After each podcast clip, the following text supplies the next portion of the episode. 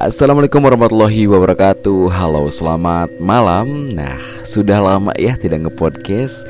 Beri lagi bareng gue Adrian yang pastinya buat teman semuanya Di Sian Story Podcast. Kali ini gue karena udah lama banget nih Gak dapet apa ya Temen ataupun yang bercerita tentang hal-hal mistis kisah nyata. Nah daripada lama gak nge-podcast Dan sekarang kebetulan ini lagi agak kosong dan bete ya Karena episodenya memang bener-bener apa ya bener-bener jomplang banget gitu. Nyampe berbulan-bulan tidak bikin konten. Nah buat teman-teman semuanya halo selamat malam kembali. Di sini gue akan um, me, apa ya? Menceritakan bukan menceritakan sih ya lebih tepatnya gue dapet sempat baca-baca dari uh, kompas.com yaitu ada 10 tempat horor dengan kisah tragis masa lalu dan yang paling seram yang pastinya. Nah, untuk lokasi terjadinya bencana atau terjadi masa lalu sering kali akan menjadi tempat horor di waktu yang akan datang. Nah, di sini tempat mana saja yang menjadi horor karena kisah tragedi masa lalu? Untuk Kompas sendiri ini merangkum 10 tempat horor dunia yang menyimpan kisah tragedi masa lalu yang dilansir dari list Yang pertama, ini ada NS Ratu Mary. Pada Desember 2011, Kelly Ryan Dorothy terjun dari ketinggian 23 meter di dek Queen Mary ke dalam air es. Pacarnya mati-matian mencoba meraih tangannya dan memeganginya, tetapi tidak berhasil.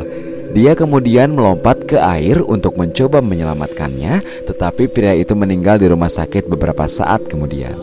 Sebelum tragedi ini, setidaknya 49 orang lainnya telah kehilangan nyawa mereka di kapal NS Ratu Mary. Bertahun-tahun sebelumnya, lebih dari 200 awak HMS Curacoa tewas selama Perang Dunia II ketika NS Ratu Mary menabraknya, membelah kurak apa lagi nih bacanya? Ku kura kurakoa kali ya, membelah kuraka menjadi dua. Maka tak heran jika Ratu Mary dipercaya dihantui oleh banyak jiwa. Seorang bartender wanita di kapal setuju dengan penilaian bahwa itu masih adalah salah satu tempat paling berhantu di Amerika.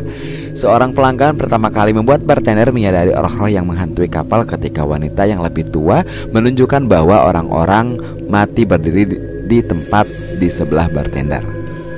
Nah yang kedua ini gua akan membahas ini ada 10 ya Lama banget dan banyak banget Ada World Trade Center Gedung One Gedung One World Trade Center yang baru menjulang di atas Lower Manhattan di lokasi mana 6 World Trade Center yang asli berdiri. Setiap kali angin berkencang, angin kencang bertiup, suara ratapan yang menakutkan dapat terdengar bergema dari struktur bangunan.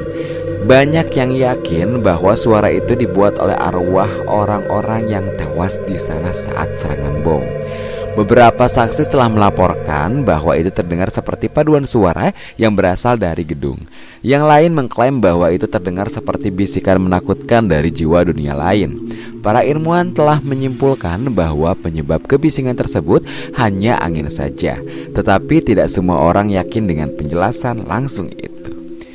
Kemudian yang nomor tiga di sini ada Thailand pasca tsunami.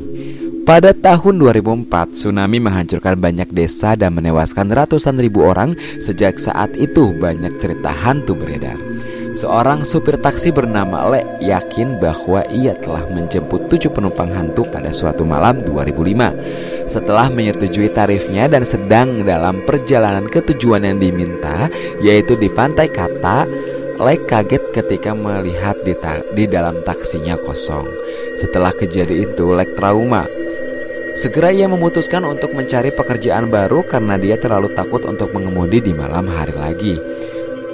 Seorang satpam di lokasi hotel Andaman, Thailand juga berhenti dari pekerjaannya karena tidak tahan lagi dengan suara jeritan yang tak berwujud. Diyakini itu adalah suara perempuan dari warga negara asing yang meninggal di hotel karena diterjang tsunami. Mungkin yang paling menyeramkan dari semuanya adalah kisah sebuah keluarga yang teleponnya berdering terus-menerus siang dan malam. Setiap kali mereka mengangkatnya, mereka mendengar suara anggota keluarga dan teman-teman mereka berteriak dan memohon untuk diselamatkan dari pembakaran di krematorium. Lanjut di nomor 4 kita ada Jepang pasca gempa dan tsunami ya. Baik, pada tahun 2011 Jepang dilanda gempa bumi terbesar dalam sejarah. Mengakibatkan tsunami yang menghancurkan ribuan orang tewas.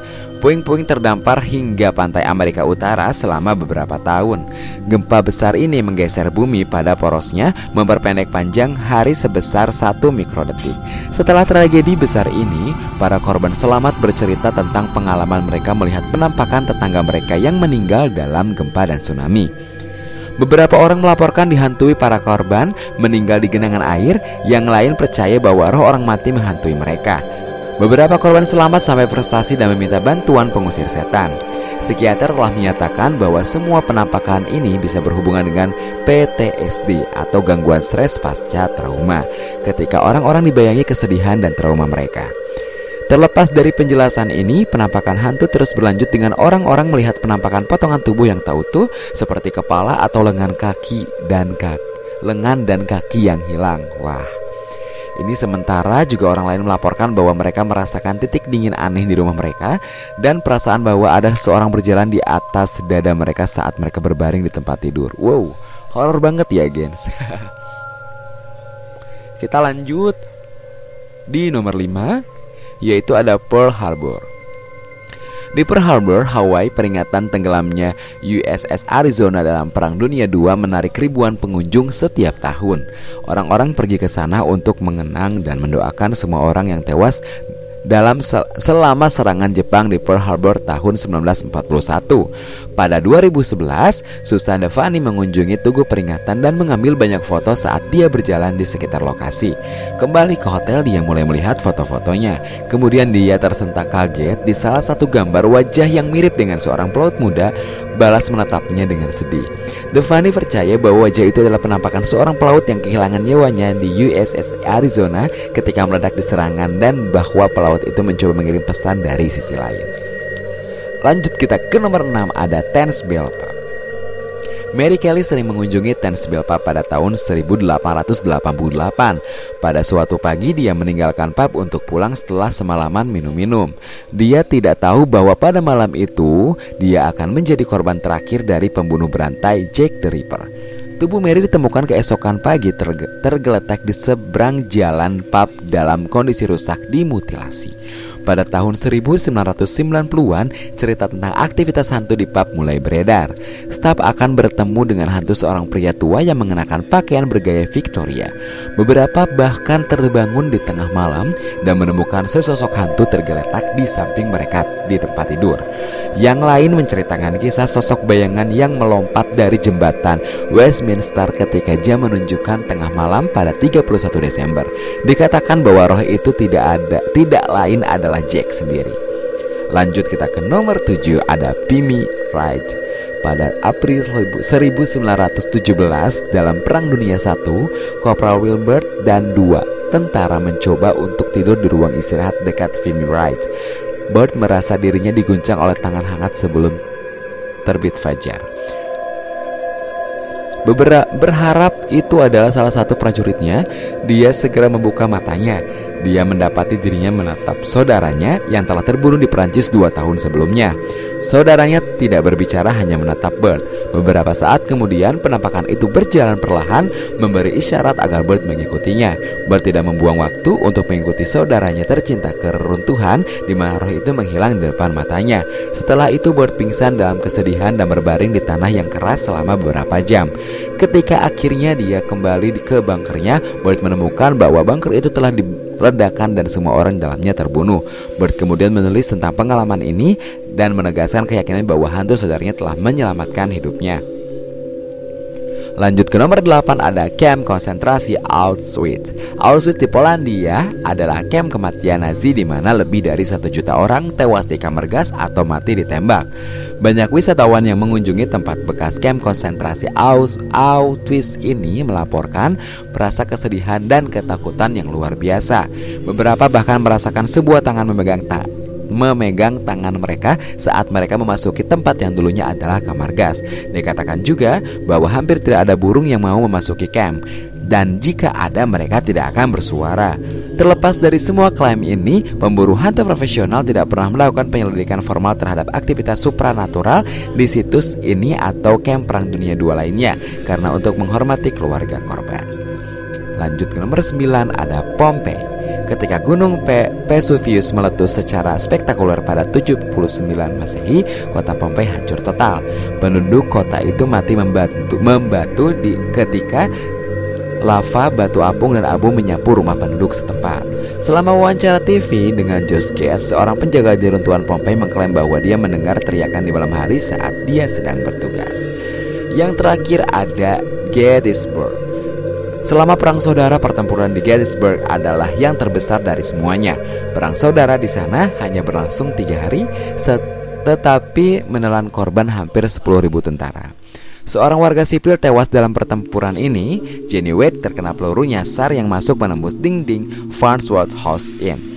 Sejak itu arwah Jenny seperti tidak tenang. Staf dan pengunjung di penginapan telah melaporkan bahwa mereka melihat hantu perempuan yang lain mencium aroma mawar khas korban tewas di tempat itu. Dikatakan setidaknya ada 14 jiwa berkeliaran di penginapan Gettysburg. Salah satunya adalah seorang anak kecil yang terbunuh kereta kuda yang tak sengaja melindasnya. Tamu lain di penginapan melihat darah mengalir dari atas dinding kamar mandi. Diduga seorang tentara konfederasi ditembak di loteng dan mati kehabisan darah di tempat di atas kamar mandi itu. Nah, buat teman-teman semuanya, terima kasih yang sudah mendengarkan dan mohon maaf ini agak belepotan karena sambil baca juga dan masih belum menguasai ini untuk tema yang gua uh, malam ini sampaikan ya. Terima kasih yang sudah mendengarkan di Sian Story Podcast. Semoga kalian bisa mendengarkan cerita-cerita atau episode selanjutnya dari gua yang pastinya dan semoga gua dapat apa ya? Dapat teman yang ingin bercerita lagi tentang pengalaman pengalaman-pengalaman horornya yang pastinya. Dan um, selain uh, pengalaman uh, horor kisah nyata, gue juga akan membahas beberapa mungkin ada mungkin tempat horor ataupun cerita-cerita horor yang memang sempat uh, booming dan juga diambil atau dilansir dari beberapa media di internet. Terima kasih yang sudah mendengarkan. Jangan lupa untuk follow di Science Story Podcast dan our social media di untuk YouTube-nya di Adrian Mabar di Adrian Mabar Channel dan juga Instagram gue jangan lupa di @adrian Mabar. Terima kasih. Wassalamualaikum warahmatullahi wabarakatuh. See you next episode.